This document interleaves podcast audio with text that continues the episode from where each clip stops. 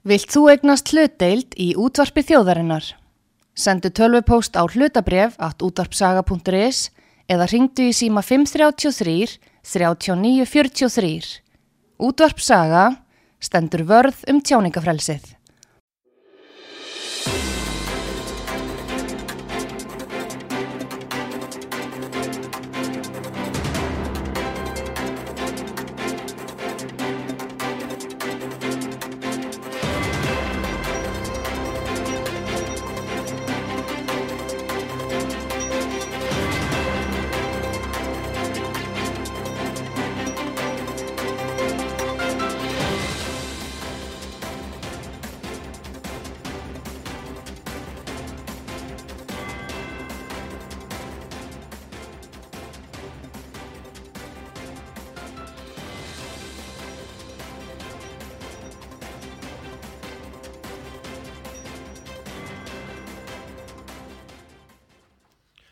Hlustundur, komið til sælir, ég heiti Kristján Örn Eilesson og þetta er þáttur um stjórnsýslu og neytendamál.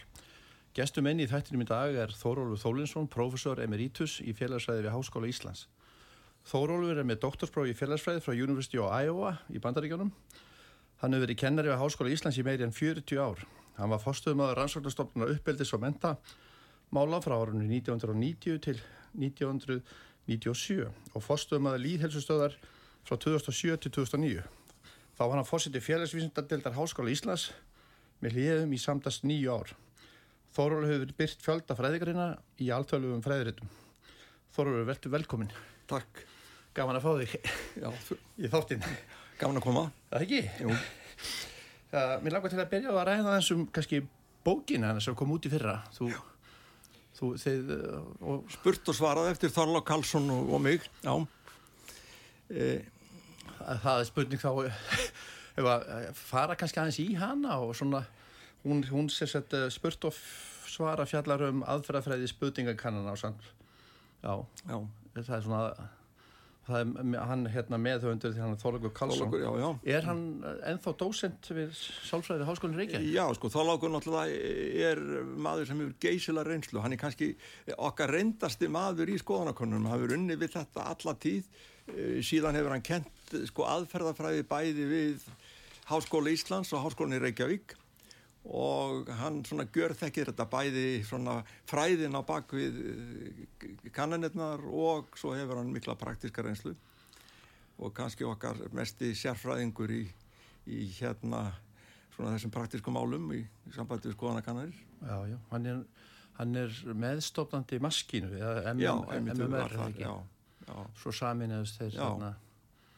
Þannig að hann er vantalega þar þá Já, já, hann er hérna eh, hefur mikla reynslu. Já. En svona uh, þetta er spurt og svarað bókin, Já, hvernig ef hvað var að byrja kannski bara á byrjuninni, hvernig þetta hóst hérna á Íslandi og, já, sko, það má nú segja sko að fyrsta skoðanakönnun á Íslandi er gerð eh, 38, veturinn 38-39 og það er, segja, að sko, spurningakannar eru alls konar en þessi konun var fræðilegsæðlis og hana gerði Jónas Hallgrímsson á sínu tíma þegar hann var að kortleggja Ísland. Og e, svolítið merkilegt sko að, að hérna að e, svona það var ekki mikið um skoðanakannanir á þessum tíma, það leiði leið langur tími. Þannig kemur skriða eiginlega upp úr 1936 og í kjölfar sko þess að, að eh, Elmar Róper og, og George Gallup fara á stað og gera merkilegar kannanir fyrst í Iowa 36, eða 33 reyndar, fyrsta konnunin. Síðan er hérna þessi fræðakonnu Literary Digest sem að sneri dæminu við og eh, er svolítið skemmtilegt bara aðeins að nefna hana að að Literary Digest hefur sko verið svona talin sem brautriðandi skoðanakonum. Það sem þeir gerðu, þeir gerðu, hafðu risa úrtak. Þeir tóku sko 10 miljónir manns og sendu út sko spáfyrir um úrslitt kostninga og, og Gallup eila hjólar í þá strax sko 1935-6 sko og segir þetta er bara rugg sko. Þetta gera miklu betur skoðanakannanir. Við þurfum ekki að taka úrtak 2500 manns, eitthvað svoleiðis. Þá getum við spátt betur fyrir heldur en Literary Digest gerir. Svo það verður svona envi í milli þeirra 1936 í sambandi og fórsetakostningarnir í bandaríkjunum. Og það er sem sagt uh, Gallup og Róper að þeir taka frekka lítið úrtak sko 2200 manns í mann svo leiðis uh, literæri dættir tekur sko 10 miljónir eins og vennilega og fær 2,5 miljón svörun sko, mikið brottall og það er bara ekki orðlengi það að literæri dættir spáir röngum um, fórsetta spáir því að Landon vinni sko.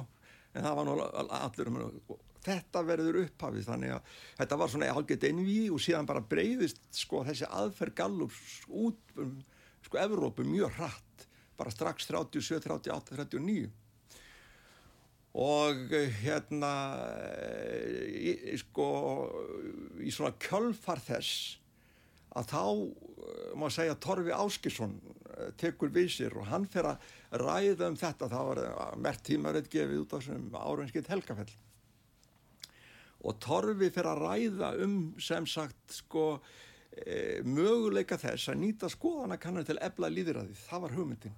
Hann sá það fyrir sér að skoðanakannar það myndi ebla líðræðið og fer svona að, að ræða þetta og síðan er gerð konnun í Reykjavík upphálega svona, svona afmörgu konnun og hann fylgir bara upphálegur aðferð Gallups, tekur kvóta úrtak sko, hann reynir, reynir að taka úrtaki þannig að hann fá jafnmarga kalla, jafnmarga konur og svo framvegis og framvegis svona að mattsa þetta svona þetta þessi svona rétt mynd eins og þeir vildi, vildi voru að tala um.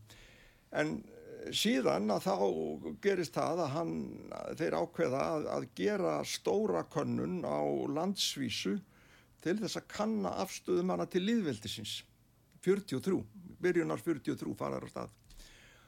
Og e, mennur reynilega bara spurður um það hvort þeir vilji stofna líðveldi strax eða hvort þeir vilji fresta því og niðurstöðuna voru þær að, að ef ég maður rétt 58% eitthvað svolítið sögur til að stopna líðildi strax en e, hvað 34-5-6% ég mann ekki að nákvæmlega töluna vildi fresta því mm. þannig að þarna strax sko fara skoðana kannar að hafa verulega áhrif og e, kannski svona doldið merkilegt að, að e, sko þessir félagar sem að voru nú aðalmennir í þessu Torfi var aðalmaðurinn og svo var Clemens Tryggvason og Björn Björnsson sem var, voru með þeim að þessir höfðu miklar hugmyndur um framhaldið en það var eiginlega ekki framhald. Þetta dettur síðan bara alveg niður alveg fram með 1960-60 og 456 fara með þessar hugmyndur að koma upp aftur. Og um, sko, það sem að þeim var horfið tilbaka og skoður að kannu það var mér svolítið merkilegt hvað sko þeir gerðu þetta vel. Þeir fengun skekt úrtaksóldi, svörun er mismunandi en þeir leiðréttu fyrir skekkjónum og byrtu bæði frumtölunar og skekkunartölundan en mann gotur séð og valið. Allt upp á borðunum? Allt upp á borðunum, já. já. Og fylgdu bara alveg þessari, þessari, gallup aðferð sem var þá notuð í Evrópu viða. En þetta er nú einlega byrjunin og, og uh, það má segja sko að að mörgu leiti þá var þetta sko hugmynd sem var mjög ríkjandi að sko með því að bara að kanna hugmyndir almennings þá múið að ebla líðræðið það væri mikilvægt. En svo náttúrulega breytist þetta mjög flott og kaplinn sem kemur næst sko upp úr, upp úr svona 70 kringur 70 er að mestu leiti tengdur fjölmjölum það taka fjölmjölarnir við sér og við fáum skoðanakannar á Íslandi sem eru eiginlega gerðar fyrst og fremst af af íslensku fjölmunum. Þannig var þetta líka erlendis, það má segja að það veri tveir hópar, það voru markasrannsóknir, notuðu kannanir, spurningar eftir kannanir mjög mikið og, og svo voru það fjölmiðlanir. Þetta voru þeir tveir hópar sem að réðu svona ferðin í þessum málum í langan tíma. Þannig að við, við vorum byrjuð, byrjuð á þessu bara áður, áður en að íslenska liðveldi var til. Já, það má segja, sko, að við vorum enn undir Danakonungi þegar að já, já. menn gerði fyrstu kannaninar, náttúrulega Jónas og svo, og svo Torfi. Og skoðanakannar komu við sög, ég veit náttúrulega ekki hversu mikil áhrif þar höfðu. Nei, nei. það er erfitt að segja um það. Það er kannski einhverju sakfræðingar sem geta eh, svona spáð og spekuleraði því en ég samfærður um að hafa einhver áhrif. Gott að Kristján Konungur hafi lesið eitthvað í þessa tölur. Já, já, svo er það. Var hann hann áður. En þarna, upp að skoðanakannar í Íslandi, já og, en um úrtök og úrtöksfræði Já Þarna, þetta er náttúrulega svona tæknileg orð, já, hérna, þýði og úrtak og, og hérna, Getur við eitthvað svona farið í það, svo kannski lustundur átti sig á hvað er þýðið, því að nú Já. við nota skoðanakanninu náttúrulega mikið í gerðum sko bæðið alþingiskostningar og, og, og hérna og, náttúrulega fórstakostningar og svo er þetta notað í til þess að mæla miðlana sko, fjölmiðluna og annað. Eh, sko þýðir notað yfir sem sagt eh, það sem er kallað population og það er hópurinn sem við ætlum að rannsaka. Ef við ætlum að rannsaka Íslendinga frá 1875 eins og algjörnd er að þá er þýðið Íslendingar á aldrinum 1875 það er þýðið. Og síðan eh, sko fylgja menn þessu sko þessari stefnu. Gallup sagði alltaf í byrjun það þarf að taka úrtaki rétt. Það er, það er mikilvægt. Og hann eiginlega tekur sem við kallum kvótaórtak sem er ekkert sérstaklega gott sko en, en það var betra heldur en margt annað. Hann svona tók, tók ákvæmna hópa og vildi láta það sem sagt úrtakið sem er það hópurinn sem þú velur til þess að draga álíktanir um þýðið.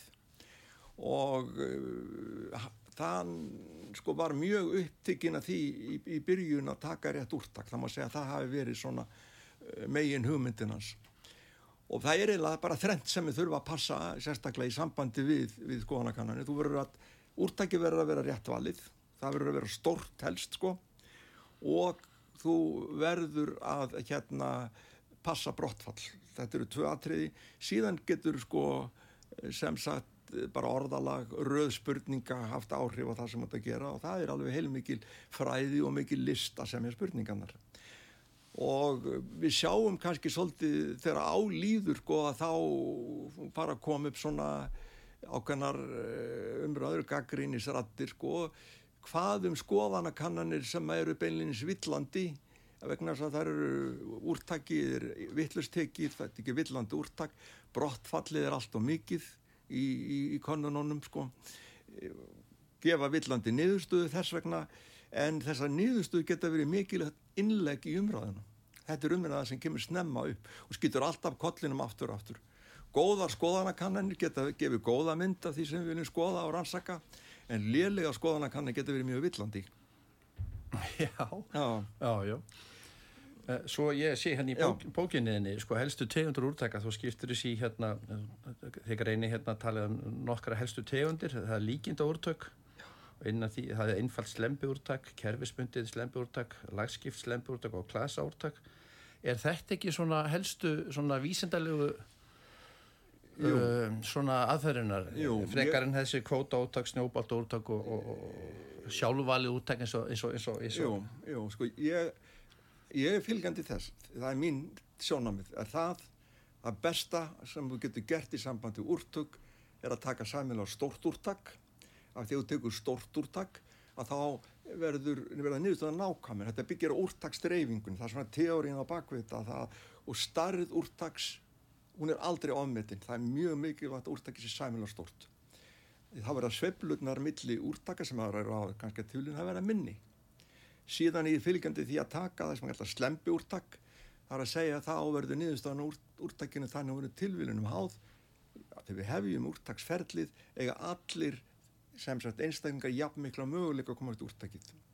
Kvóta úrtakur varasum þau hafa verið tölvert mikið notur á Íslandi en þau getur gefið mjög skakkar myndir. Til dæmis að þá tel ég að að sko djefa sínum tíma þegar þeir kannan þegar notuðu þeir meira kvótaúrtak heldur en svona svo blanda með stundum saman úrtaksaðferðum en, en kvótaúrtak geta verið mjög villandi, varasum ég, ég svona vara með miðutæki kvótaúrtak þá er meina að vera varkárir og gera ráð fyrir því að dreifingin eða niðurstöðna geti verið villandi síðan eru þessi úrtök sem eru bara tekinn sko snóbolta úrtök og eru stundum lítil. Ég gef eiginlega ekkert mikið fyrir það. Það er mjög lítið haft að alhæfa svona á stóra hópa en þau geta verið upplýsandi um ferli. Þannig að það skiptir miklu máli að taka góð úrtök. Líkinda úrtök verða helst að vera af því að til þess að við getum metið skekkuna hversu miklu skekku getum við búist við. Þetta er allt reiknað í botn. Ha, Þetta er allt metið og reiknað í botn. já þetta er reiknandi, við skulum taka dæma hvort það skiptir máli. Mikið af þeim kannunum sem er í fjölmiðlum í dag að þau, við erum að tólka hér skekkjumörk sem eru mjög lítil. 1-2% færast til milli flokka. Þetta er í lang flestum tilvikum bara sveiflur sem eru tilviljunum háð. Og það er eiginlega alveg út í hött að vera að lesa eitthvað í slíkar niðurstöður. En þetta gera fjölmiðla menn aftur og aftur og aftur í, í, í hérna í frettum þeir sko það er bara áskaplega mikilvægt að vita hver skekkjumörkin eru hversu stóri eru þau. Eru sveiflandi sem við fáum innan skekkjumarka? Og þá er þetta bara óbreytt ástand frá því síðast. Ek, ekkert annað að segja um kannaninnar en niðurstöðunar hún er ekki nákvæmur en það, einmitt. Ha. já, hún er semst ekki nákvæmur en það, það bara, nei, það er ekki, það er, og þetta er alveg þetta liggur fyr, fyrir í tilvöðunar úrtökum já Þannig, en sko það er alltaf hinn hliðin á þessu að, að það kannski ekki, ekki spennandi að kynna sko niðurstöður og seppur og segja síðan já þessar skekkjum ykkur er nú innan eh, vikmarka. þetta er bara sam og síðast Já, saman síðast. já, talandu um vikmörk, það sko talað um sko, já, vikmörk og svo þess að 95% óvissu já, okkur er miðað við 95% það er bara eh, gömul hefð meða við 1% eða sko meða við 0,0 5 eða, sko 0,01 eða 0,5 sko þetta er bara þannig að á sínu tíma var nú bara alltaf mikil sko vinna að rekna þetta út og e, menn notuðu töflur og, svolítið og þá einhvern veginn e, sko var þetta þannig að menn völdu sko sem sagt 95 eða 0,5 skekkjumörg eða, eða 0,01% bara til þess að svona einfalda þessa útrekninga og setja þetta svona fram á einhvern skilðarlegan hátt í dag er þetta þannig að raunverulega getur þau tekið hvaða konun sem er sem er þessum úrtækið er rétt valið og hérna sagt bara hvað vikumörkin eru. Getur bara gert það sko. Það er náttúrulega svo miklu með, nútíma tæknir er þetta búið einfalt mál. Þú getur vegið og metið hverja einustu konun þannig ef þú vilt. Mm -hmm. ef þetta er gert rétt þá svona, erum við ekki að tala um úrtækið þurfa að vera svona 1000 til 2000 manns?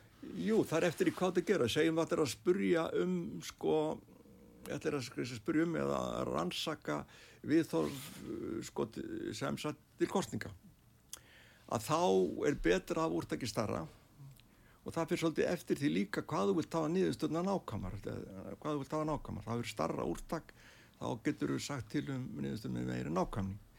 En eh, það er líka eh, mikilvægt átt að segja því að sko dreifingin í þýðinu eða upphaflega dreifingin sko, hún getur líka haft áhrif á þetta. Ef það er mjög mikil dreifing ef það eru mjög sko, ólíkir hópar sem átt að skoða að þá getum við þurft að taka starra úrtak til þess að minga óvissuna.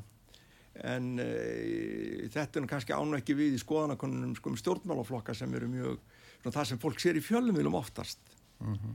að þú segjum að það er tekið 1200 manna úrtak, slem, slembu úrtak það tekið úr þjóðskrás handháskjönd og hérna uh, hver eru líkunar til dæmis að það væri hérna, að það væri öll þjóðin að það væri kannski 60% já, já, ég er kannski aðstæðanir spurningarspyrur líkunar en, en sko það gæti komið kannski bara 60-40 millir karla og kvenna já.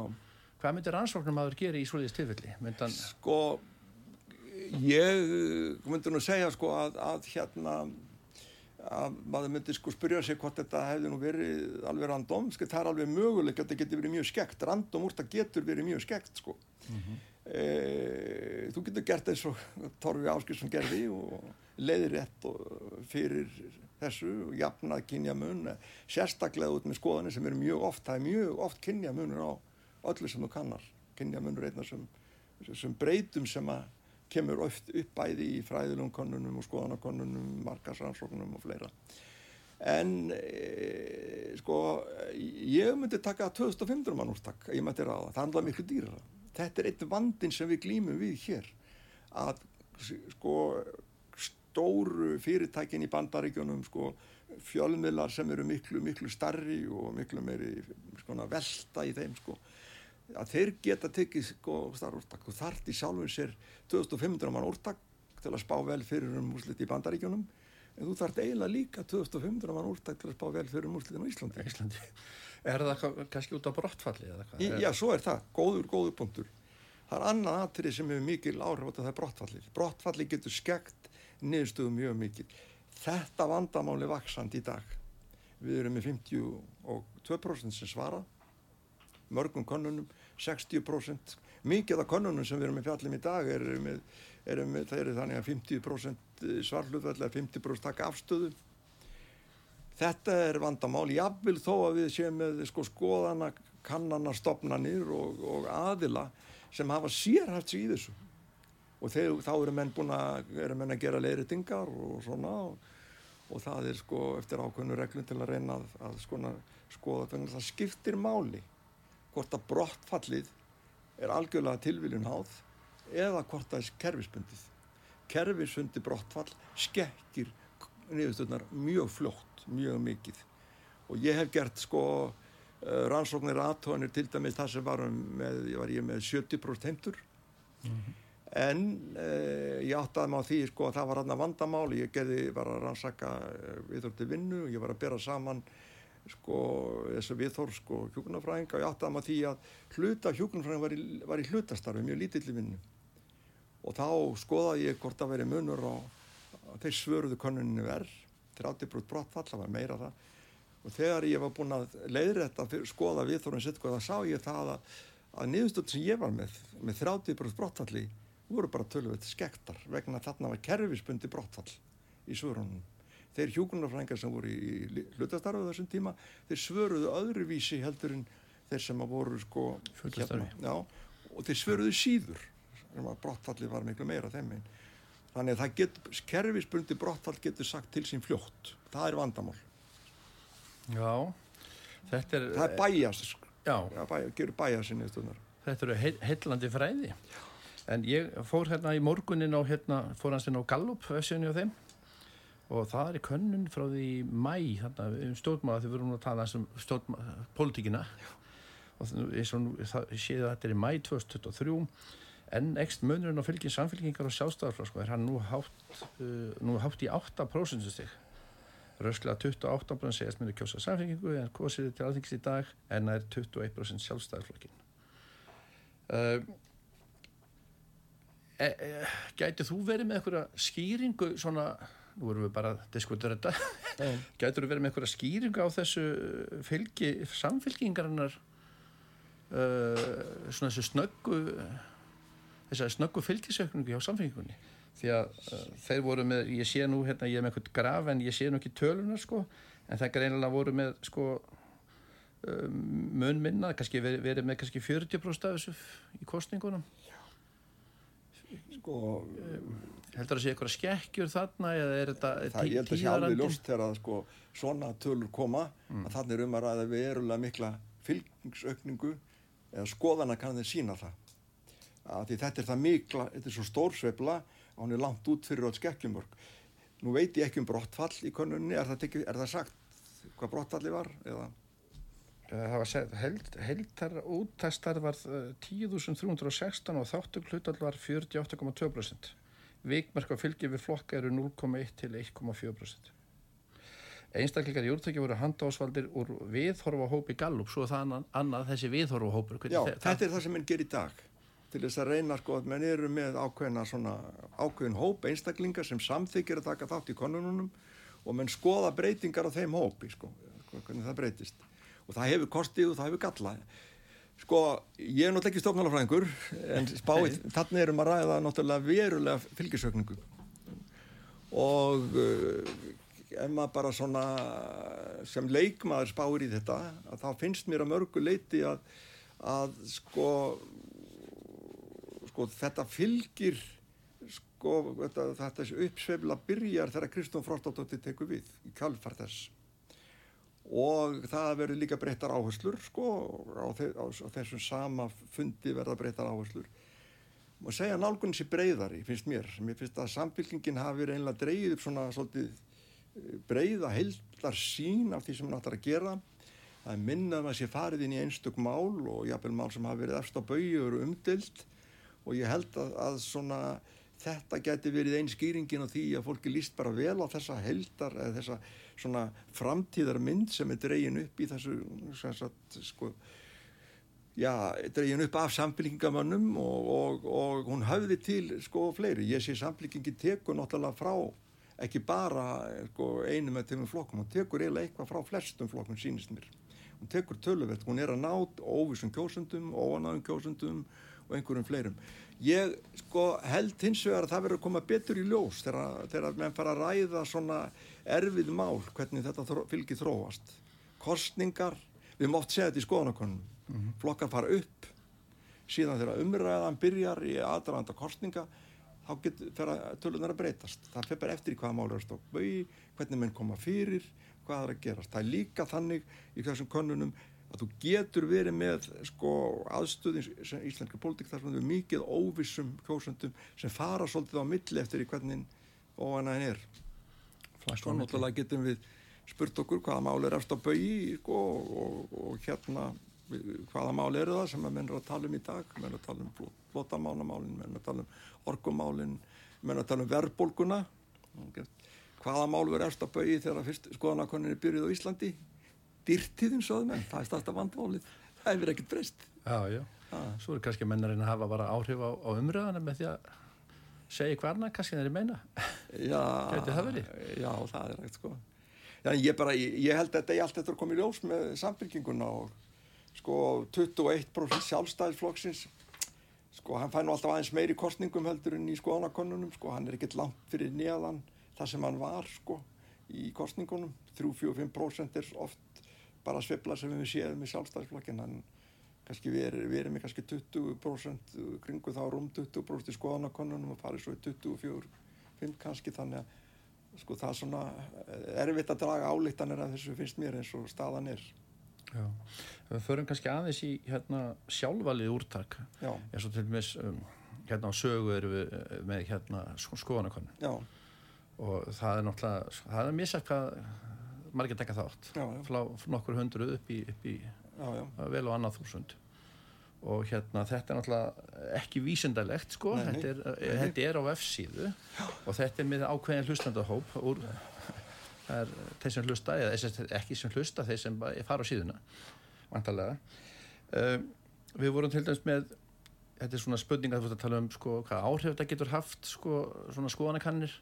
Það var krættums í dag var það var nú bara svona tekið eiginlega upp á bókinni þinni, ykkar spurning. Hversu vel eða illa treystu þú auðvitaðningisára til að gegna, gæta hagsmuna Íslands? Það er að segja vel og illa í staðan fyrir að segja hversu já, já, já, þá ertu með fimm valmuröga mjög, og frekar og í meðalagi og allt það. En sko eins og þessari konu þá kom til dæmis um, treysta auðvitaðningisára mjög illa til að geta hagsmuna Íslands. Það kom út úr henni til dæmis að með minna hann að það verið tæp 90% ég er nú ekki alveg með það fyrir fram en, en gæti svona konum verið skoðana myndandi? Sko að persónulega ekki... hvernig hún er kynnt sko, Já. ég held að þeir eru með svona úrtak þegar að tala við ykkar hlustendur. Já. og þegar að vandali í sjálfvali úrtak að þá koma þeir sem hafa sterkar skoðanir á málunum fram, mm. hinnir kom ekki sko. Þannig að, að eh, ég held að þetta sé svona megin enginni, hvernig þetta lítur út í augum almenning sko. Það er svo allt annað mál sko, tekur 2500 mann úrtakar andum og öllu hérna landinu. Þá sér það betur. Ég held að sko þannig er þið að mæla við þorf einhvers hóp sem er óanaður það er alveg ljóst. Það er alveg klart mál. Þannig hópurinn segir að það er hópur sem er óanaður með eh, með sem eða treystir ekki að vel til að gera þetta. Síðan er spurningin er svo hópur dæmingjörður fyrir fyrir landsmöld? og þá myndi ég segja um það bara vitum ekki sko, nema að kanna það. En mitt? Um, Já, með svona talandu um sjálfvalin úrtök eins og við ætlum að tala um djefa þá þetta afblæðið nú er náttúrulega komið nú bara meðlar á, á netinu já.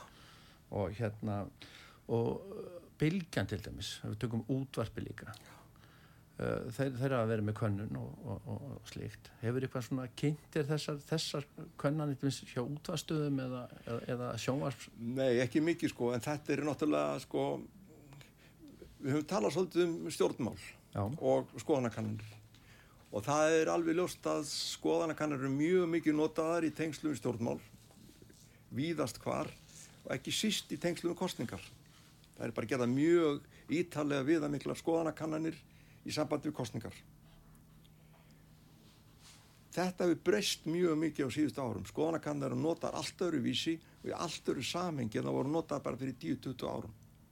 Það er að segja að miklu, við getum fengið mikið meira gögnum og þú getur skoðað skoðanakannar í tengslum við ímsar aðra breytur og menn til dæmis geta skoðað, við erum að tala um, eða við værum með sko stóra og mikla stopnun sem var að skoða þetta sem spurðið mig um hér áðan um mm -hmm. þá væri með líka með demografíska breytur, þeir myndu skoða hópin sem að, hvernig hann lítur út demografíst sko, hvað hann býr kín og framvis og framvis og fara með henni í gagnabankan og skoða aðeins hvernig þetta lítur út til þess að sjá sér enginn í þessa hóp sko, sem út að skoða þannig í dag eru skoðanakarnar að nota miklu miklu meiri í samhengi við annars konar upplýsingar heldur en áður það er megin breytingin Já, þetta er breyst mikið á Já, 20 árum. Já, alveg gjörbreyst. Og uh, þá getum við talað um svona, þessu margtækar. Við erum náttúrulega með maskinu núna, saminjast tvö fyrirtiki í maskinu Já. Og við erum með Gallup, svo erum við félagsvísastofnun háskólan. Er þetta ekki svona þrjú stæðstu höll? Jú, þetta er náttúrulega fyrirtæki með að vera lengi og þannig er fólk að vinna sem hefur búið að vera lengi þess og þekkir þetta mjög vel og ég þekki ekki alveg nákvæmlega hvernig þessi vinnu verið í dag, hvernig við nota leiritingar, hvernig við skoða brottfall og svo framvegis en þetta fólk er að vinna með sko alls konar upplýsingar til þess að átta sig á því eða svona reyna að, að tólka allavega niðurstöður komaðum að framfæri í réttu eða betra samhengi heldur en kannski heldur, heldur en kannski ella. Og þannig veit ekki bara nákvæmlega hvernig þessar stopnarnir vinna í dag. Mm. en bara þaukum dæmi á sínu tíma sko að uh, það var, það mér fannst sko, við fundist merkilegt að fylgjast með skoðanakonun sem eru vel segið með uh, forstakostningum bandaríkjónum sem eru náttúrulega mjög stórar í sniði og vel dokumenteraðar og við getum skoða tvær kostningabar sem er alveg ótrúlega merkilegar fyrri kostningabaratan var Bill Clinton. Þeir gerðu skoðanakannanir og þeir komist ekkert áfram. Þeir breyttu aldrei neinu. Þeir heldu áfram alveg þó, þó það gengi ekki til þeim framna þá heldu þeir nákvæmlega prógram þeir kvikuð aldrei frá því sem þeir ætlaði að segja og gera. Þeir reyndu að koma því á framfæri það var málið. Skoðanakannir breyttu engu um það þó þeir væri ekki með. Síðan náður í gegn og náður þessu skriði og vinna. Þegar getur tekið Donald Trump síðustu kostningum hann var með mikið liðið kringu sig mjög færu fólki, með gleima því ekki sko. og þeir unnur miklu af upplýsingum. Þeir skoðu til dæmis sko, svæði svona djörsið sem var mikið aðtunleysi í bandaríkjum skoðu svæði bandaríkjum það sem var aðtunleysi þeir skoðu hverjir eru aðtunleysi, hvað gerðist. Sko það kom í ljós að það var stór svæði þar sem voru hvíti kallmenn miðaldu eldir sem hefði mist aðtununa og voru aðtunleysir þeir fókusurðu á þessa. Þeir voru líka með skoðanakannur þeir skoðuðu hvað brann á fólkinu en þeir voru líka með þessa demografísku upplýsingar og svo voru þeir líka með upplýsingar sem eru teknað saman úr, úr bara beint úr miðlum sko. það sem að skoða hvað er fólki að skoða, hvað er eftir að bauði og svona, en þetta er orðið mjög þetta er orðið mjög flókið sko í dag, skoðan kannar orðið eitt þáttur í þessum, þessum málum getur spilað á aðlit almennings eða getur bara haldið þínu stryki eins og Bill Clinton segir ég ætla bara að samfæra þá. Ég ætla bara að halda áfram, ég trú á það sem ég er að segja. Ég trú á það sem ég er að gera. Þetta snýst um hakkerfið eins og hann saði it's the economy stupid saðan í login þegar mér spurði hvernig þið fórst að þessu. Þannig að þetta er bara að misa hvernig við notaðar mm -hmm. Þorður, við slum fara í öllusingar núna, svo komum við aftur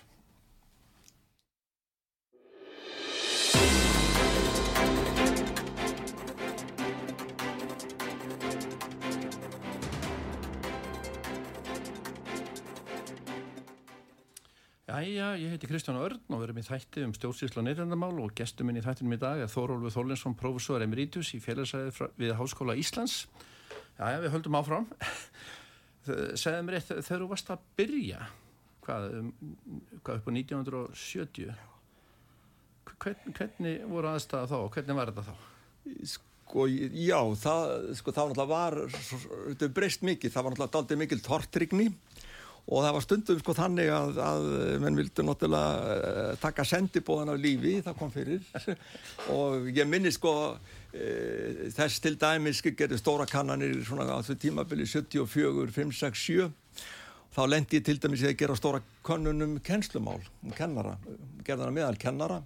Og ég var síðan mjög samvisku samur að náttúrulega að koma skoðunum kennara á framfæri. Þar fjallu illa í kramið hjá mörgum svo að ég lendi því þannig að það verið að ringja í mig hér á kvöldin allir fram til 12 og heimta þessi drægi alla niðurstöðuna tilbaka og ég sagði þetta er ekki mína niðurstöður. Þetta eru hérna það sem kennararnir sögðu og mér ber að koma þeir til skila eins og þeir sögðu þetta. Og þetta var svona mikið hafari og, og, og síðan sko var þetta sett í alls konar annað samengi sem enn gera.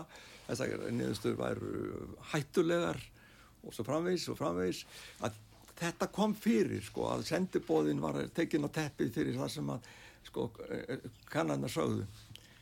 Því byrjaði þessar kannanir sko í sambandi við unga fólki þá vorum við að spurja líkum um, um svona neyslu, vímefna og áfengi og fleira unga fólki sko og svona og reyna að skoða á þetta þætti og þá lendi ég í, í svona alls konar hafari í byrjun eins og það að við vorum mjög tortrygnir og það var hérna hópur, já ég myndi að segja bara betri borgara í bænum sem að taldi að ég væri útsendari sko hérna einhverja svona uh, vímöfna mafjósa sem ætluði að fara að selja vímöfna á Íslandi og þetta verið bara hrein markas könnun fyrir það Þú verður að auka eftirspurnu Þú verður að auka eftirspurnu Já, já, já, ég er að segja nú sko, með áhætt að segja mér hverja á, hverja á targetera til að selja sko. það var eiginlega held ég sko sjóna með sumura en það er sko það er svona, ekki er ekki gaman að kynna óvinsala niðurstöður, ekki alltaf. Þannig að þeir eru beinlis verið hótað bara. Ah, Þeir eru beinlis verið hótað. Já, það svona já, óbeint myndi ég segja. Já, það gerðist hana í að óvinsalar skoðanir sko eru á ábyrg þess sem að kannar að það, það er erfitt að glíma við, við slikt sko um, Ég var aðeins að googla og rétt fyrir aldamótin að 1999 þá var í morgublaðinu þá var ég með tala við Þorló Karlsson hann var þá rannsóknastjóri hjá I.M. Gallup og, og svo Stefán í, í háskólanum Stefán Ólarsson mm. Og þá fyrirsögninni hérna engin ástæða til að banna skoðanakannu því nú getur get við sko aðeins kannski að rætti þetta með Frakland og Spán Já, því, og hérna í tengslu við það uh, ef við kannski byrjum er þú með skoðun á á þessu að hvort það er að banna skoðan kannið rétt fyrir kostningar eða ekki? Já, þetta er nú bara eitt af því málum sem ég hef enga skoðun á eiginlega. Ég held að sé að það færa rauk með á móti. Mm -hmm. og ég held að sé svona sko, það er alveg sjónamið að banna þar og raukin eru frekar frekar sko skýr á, að sem sagt að menn hafa verið að tala um viku, ég held að sé vika á, á bæði í Fraklandarspáni ef ég mann rétti, það er kannski breyst sko. Ég skilst að sé mánuður í Frakland og vika á Spáni en ég er ekki klára á því en, en, en það er allan að bann. Já, og sko sjónamið er það að skoðanakannir hafi áhrif á það hvernig minn kjósa það er eiginlega alltaf grunni og með öðrum orðum að þá geti skoðanakannir sko beinleginir trublað líðræði í, í verki. Og ein rauk fyrir þessu eru þau að sko það sé að byrta alls konar skoðanakannir jafnvel sko niðurstöð sem eru mjög villandi fyrir kostningar og þá hafa þar áhrif á kostningarnar og mönnum hafa ekki tíma til að leiðirætta þar fyrir en eftir kostningar hugsanlega, það er bara ráða ferðinni. Önnur rauk eru líka þau að, að sko að sem sagt menn hafa lengi veldi fyrir sér, það svona, eru rannsóknar sem sína það að í sömum tilvikum, ekki öllum, fólk sko svona tinningu til þess að hópast að þann sem að virðist er að vinna, sigur við þeirra að hann sko þegar komin einhver svona sko snjóbolti fyrir á staða þá íki skoðanakannanirnar sko vaksandi fylgi flokka sem virðast er á skriði en e, yfirleitt er nú svona margt sem bendir til þess held ég að sko skoðanakannin geta haft áhrif á sko þá sem er óvisir uh -huh. rökin sko gegn því að banna eru þau að fólk geti bara veið og metið þetta sjálft. Og fólk eigi bara þessi bara viðbótur upplýsingar og fólk verði bara að fá að sko, vega þær og meta alveg eins og því sínist og ég finnst það líka alveg gældgeng rauk uh, ég held að sko ef við ætlum að leifa skoðanakannir fram á síðasta dag að þá verðum að gera þá kröfu til fyrirtækana sem gera skoðanakannir að séu góðar og velgerðar og verðum líka að gera þá kröfu til fjölmilamanna að þeir fjalli um skoðanakannar af þekkingu Já. og upplýsi góðsendur ef það eru gallar á konununum og, eða ef er talja sér villandin nýðustur. Ég las hérna líka að sko ofins og í Fraklandi, Já. þetta er náttúrulega á meilandinu að það, það var sagt að þjónaði sko litlum tilgang að banna það vegna þess að nú eru við verið með netið og upplýsingarna flæða núna frálst og þá bara er, spán, er eitthvað annar land að byrta það? Já. það getur verið bara Ítalíja eða Sviss eða þannig að það eru ekkert hægt að koma í vekk fyrir þess að kannanir sko fara út og, og þessar sniðustöður og það er muni hvort sem er alltaf leka Það er mjög líklegt sko vegna þess ég held að þetta er bara reynslan að það leka vegna þú getur ekki bannað fólk að gera skoðanakannar og einmitt þá segja það er betra að sko menn sé að ræða þetta í reikvildum bakherbergjum og jáfnvel dreifa þeim upplýsingum sem þeim hendar eða er bara betra að vera með allt upp á borðinu. Þetta er svona, þetta eru breytti tímar líka þetta, það, ég held að ég held að hérna, þetta sé bara mattsatriði sko.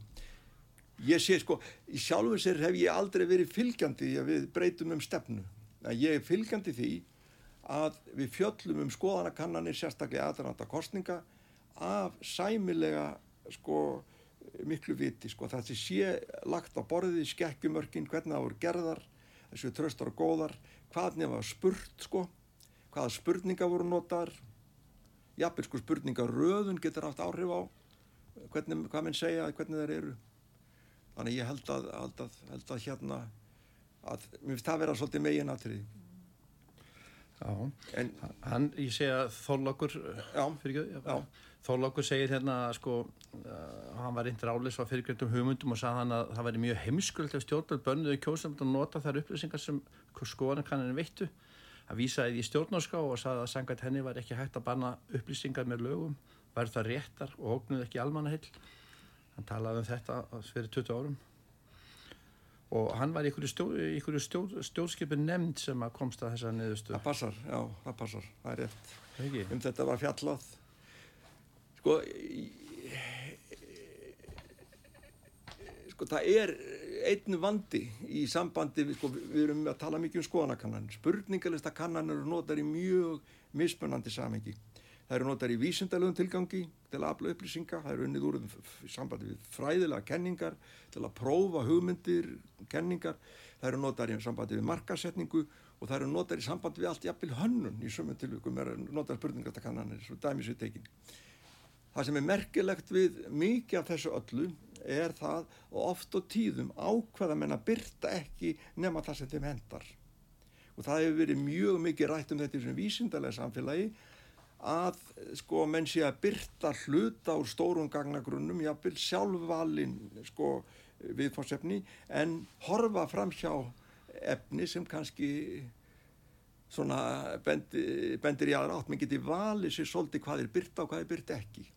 Og það var meiri sér að tala um þá sínum tíma í Breitlandi innan sko vísindarsamfélagsins bandaríkjónum manni eftir og fleiri stöðum að vísindamenn yrðu að sko annarkur byrta allt saman allavega að gera þannig, ganga þannig frá gognum að allir hefur aðgangaðum meiri sér vísindun þar sem við erum allast það reglur þá er aldrei hægt að treysta því að sé ekki mistökgerð og eina leiðin til að koma veg fyrir mistug er að hafa fullan aðgang og öll vegna þess að þá geta aðrir skoða það þú gerir, geta margir farið að skoða þetta.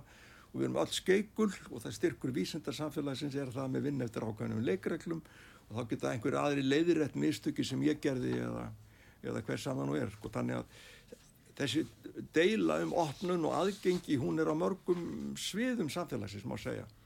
Og í vísindunum þá er ég alveg á því það ég að vera fullur aðgangur öllum gagnagrunum.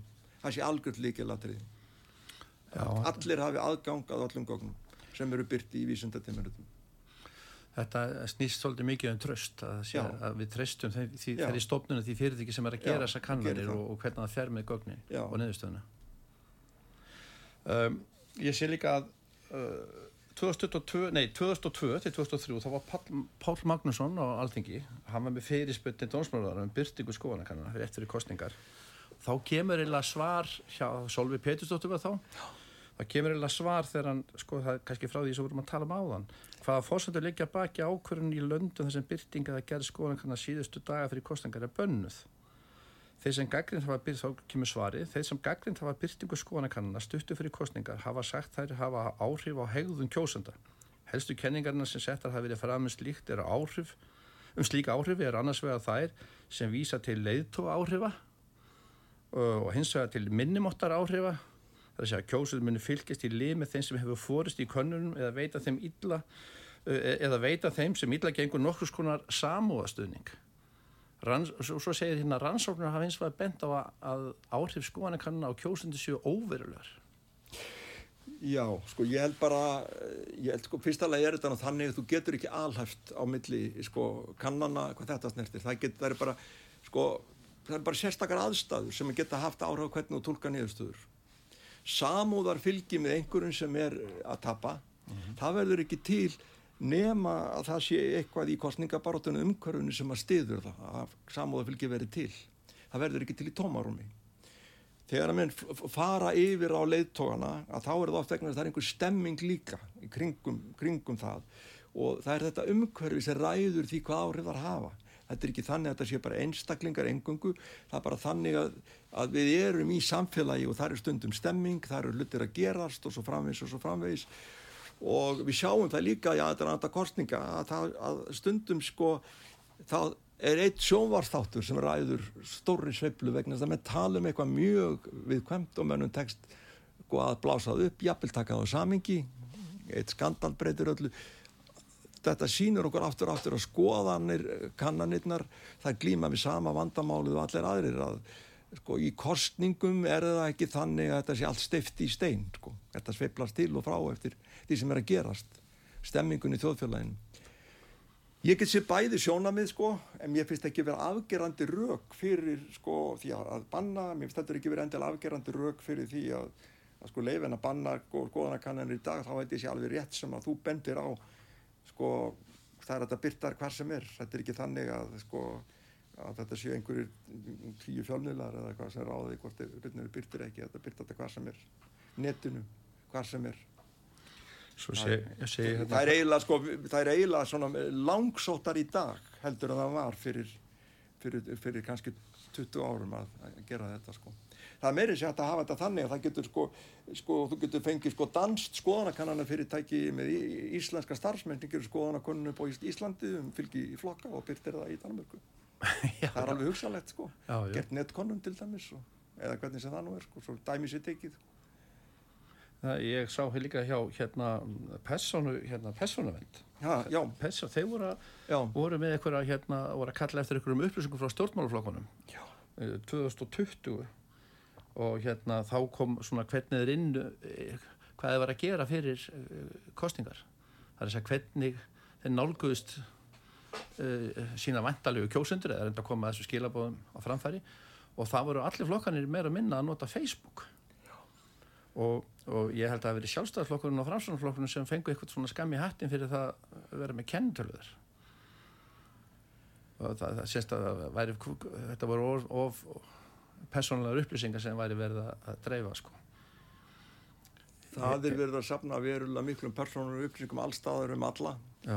og það er, mér skilst það á, á hérna, þeim sem tekja betur til en ég að það sé til dælu að miklu einfaldara heldur en okkur grunnar að gera það og það er alveg ljóst að mér nota alls konar upplýsingar, þannig er mér líka að koma bóðum til skila og þannig er mér líka að klæðskera sníða það sem þú segir að ákveðnum einstaklingum ákveðnum hópum. Það var svolítið sko það sem að e, má segja hafi einkendi til dæmis kostninga baróttu Trumps var þeir fóru inn í ákveðna hópa og þeir sendu þeim þau skilabóð sem að skipti þennan hóp máli. Og þeir byggðu á þeim skoðunum sem voru eftir á bögi þar og svo senduður önnu skilabóðin í aðra hópa sem voru nákvæmari. Þannig að, að sko þetta er bara sko, skoðana kannan úr kostningar sko, það, það er bara kannski sko fyrir að vera bara úrælt umræðið efni sko. Já, ekki? Já, já þetta, þetta breytist eitthvað. Þetta er varðavert. Ég fór að ganni minni svona smá striðni, ég fór hún á heimasýðu Gallubáðan, að því við vorum að tala um tröst og þetta er verið áraðanlegt og svo leitt. Ég hérna fór inn á síðu topplisti hérna hjá, hjá vefmiðlum á Íslandi.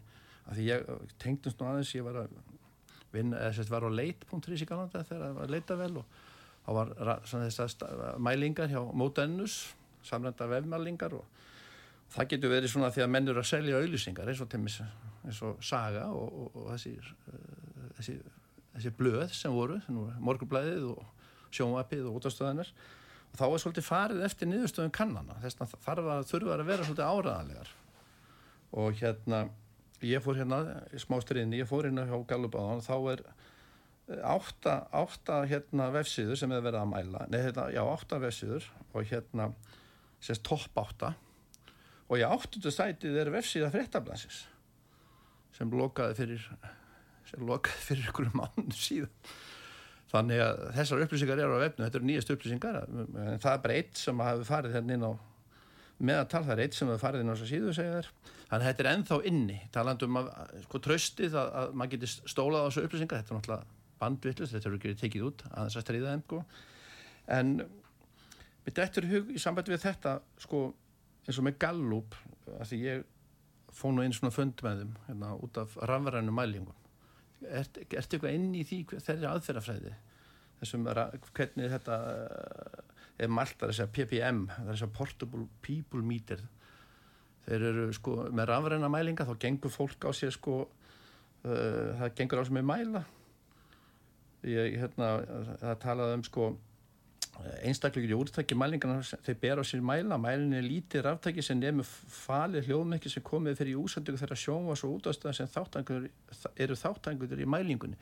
Ég er svona bara að hugsa þetta almennt að þú ætlar að mæla þetta þá þarf þetta að kaupa þetta, það er bara mælt. Þeir eru bara mældi sem hafa kæft sér inn. Já, já. og síðan er sko er einhver prósendur hlutvall þannig að það, það er þá vantilega bara sko þeir skila svo bak við það að þá þá bara þeir mældu bara þessa aðila.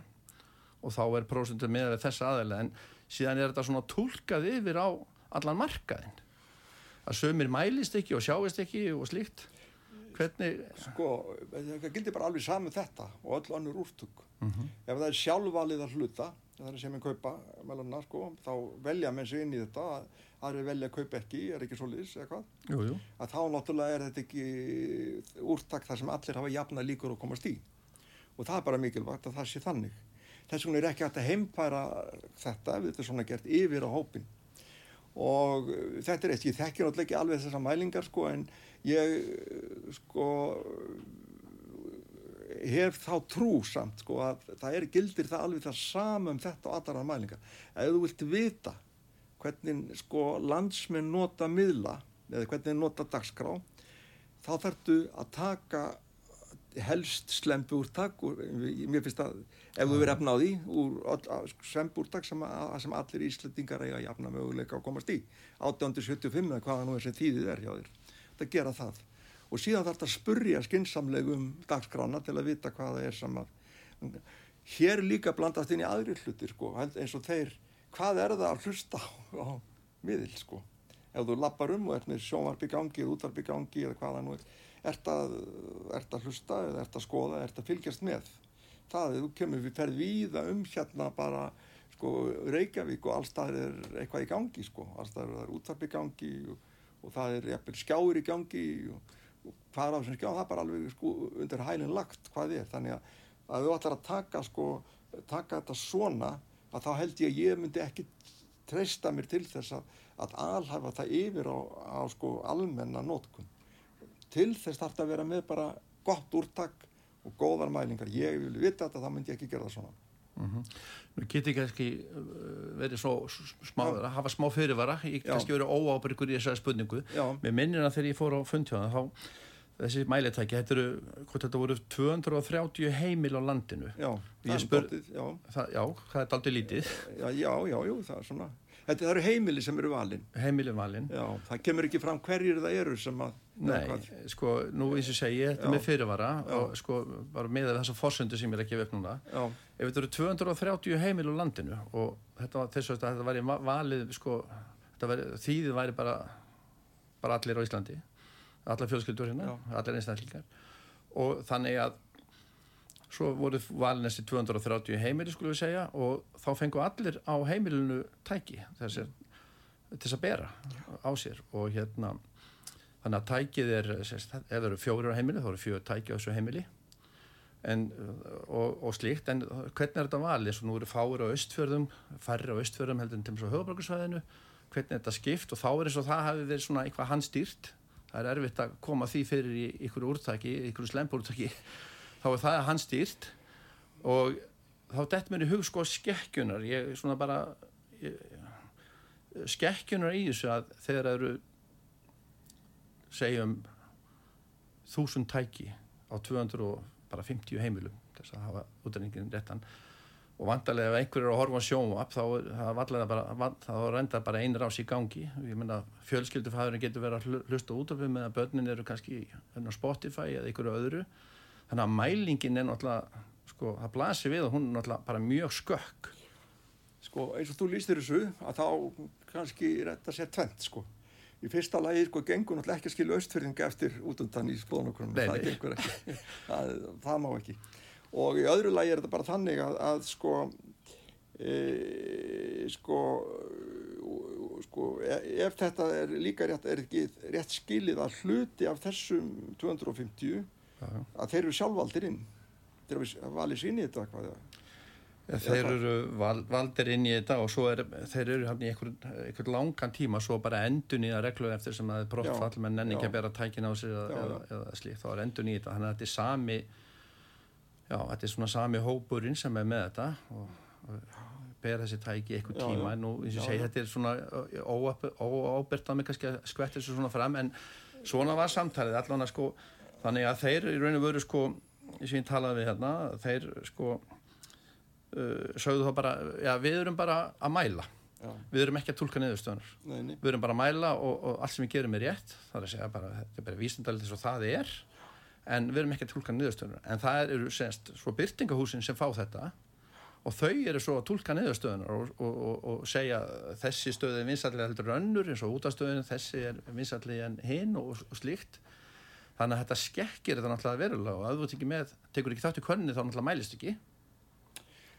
Nei, ég held að sko, og þú lýsir þessu, þá myndi ég segja það að það veri hæpið, að, mjög hæpið það alhafa yfir á alla hlustendur á landinu. Og ég er eiginlega alveg vissum það sko að hvað gildir við tökum hlustendur sögur sko, þá er ég alveg vissum að þeir eru ekki random, endilega random drauðir sko.